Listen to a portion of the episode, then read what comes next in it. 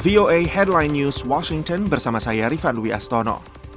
Tiongkok tetap menjadi tantangan utama bagi kepentingan keamanan nasional Amerika Serikat, sementara Rusia tetap menjadi ancaman akut karena melanjutkan perang brutalnya di Ukraina.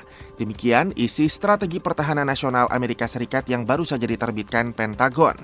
Republik Rakyat Tiongkok merupakan satu-satunya pesaing di luar sana yang memiliki niat untuk menyusun kembali tatanan dunia dan kekuatan yang semakin meningkat untuk mewujudkannya, kata Menteri Pertahanan Amerika Serikat Lloyd Austin kepada wartawan Kamis di Pentagon.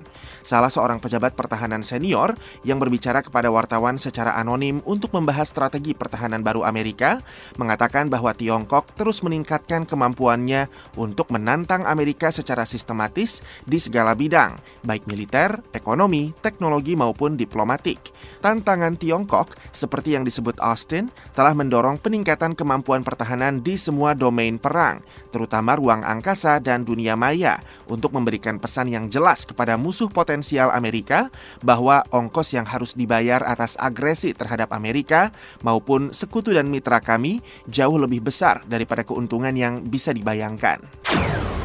Presiden Rusia Vladimir Putin mengatakan pada hari Kamis bahwa ia mungkin akan menghadiri KTT G20 bulan depan di Bali. Я благодарен руководству и президенту за приглашение на двадцатку. нас, мы подумаем, как мы это сделаем. Россия точно совершенно будет там представлена на высоком уровне. Но, может быть, и я поеду. Мы пока я подумаю. Rusia akan diwakili di pertemuan tingkat tinggi. Itu sangat jelas. Mungkin saya juga akan hadir. Saya akan memikirkannya, kata Putin saat menghadiri konferensi pakar kebijakan internasional di Moskow. KTT Kepala Negara dan Pemerintahan G20 ke-17 akan diselenggarakan pada 15 sampai 16 November mendatang di Bali.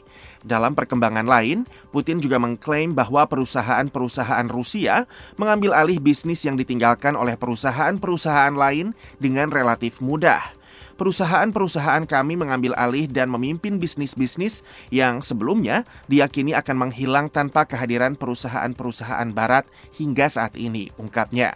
Pernyataan itu disampaikan seiring banyaknya perusahaan asal Amerika dan Eropa yang meninggalkan Rusia di tengah apa yang Moskow sebut sebagai operasi militer khusus di Ukraina.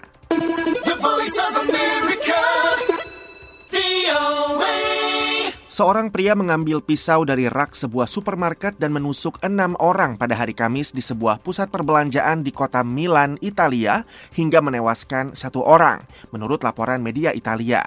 Polisi menangkap pria Italia berusia 46 tahun yang diduga sebagai pelaku penyerangan, menurut kantor berita La Presse. Seorang pegawai supermarket tewas di perjalanan menuju rumah sakit, menurut kantor berita ANSA, yang juga menyebut tiga korban lainnya terluka parah. Belum diketahui motif serangan tersebut. Pihak berwenang Italia mengatakan tidak ada unsur yang mengarah pada tindak terorisme. Salah satu korban luka adalah pesepak bola Spanyol Pablo Mari yang tengah dipinjamkan ke klub Serie A Monza dari Arsenal. Arsenal mengatakan dalam pernyataannya bahwa Mari berada di rumah sakit, namun tidak mengalami luka parah. Jumlah peserta pemilu paruh waktu Amerika Serikat November mendatang dari kelompok LGBTQ memecahkan rekor menurut data baru yang terkumpul. Beberapa di antaranya diprediksi menang.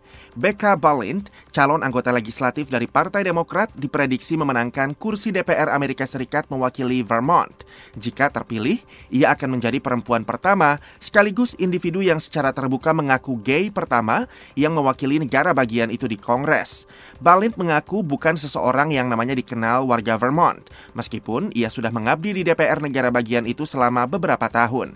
Besarnya dukungan yang ia terima selama berkampanye untuk kursi DPR Amerika itu membuatnya bersemangat. Meski demikian, alasannya mencalonkan diri menjadi anggota DPR sangat pribadi dan tidak ada hubungannya dengan identitas LGBTQ-nya. My grandfather was killed in the Holocaust and I understand what it looks like when democracies um, start to fail. I feel like that's where we're we're at right now. So that's really my why. That's what's driving me Kakek saya tewas terbunuh dalam Holocaust, dan saya paham seperti apa rasanya ketika demokrasi mulai tergerogoti.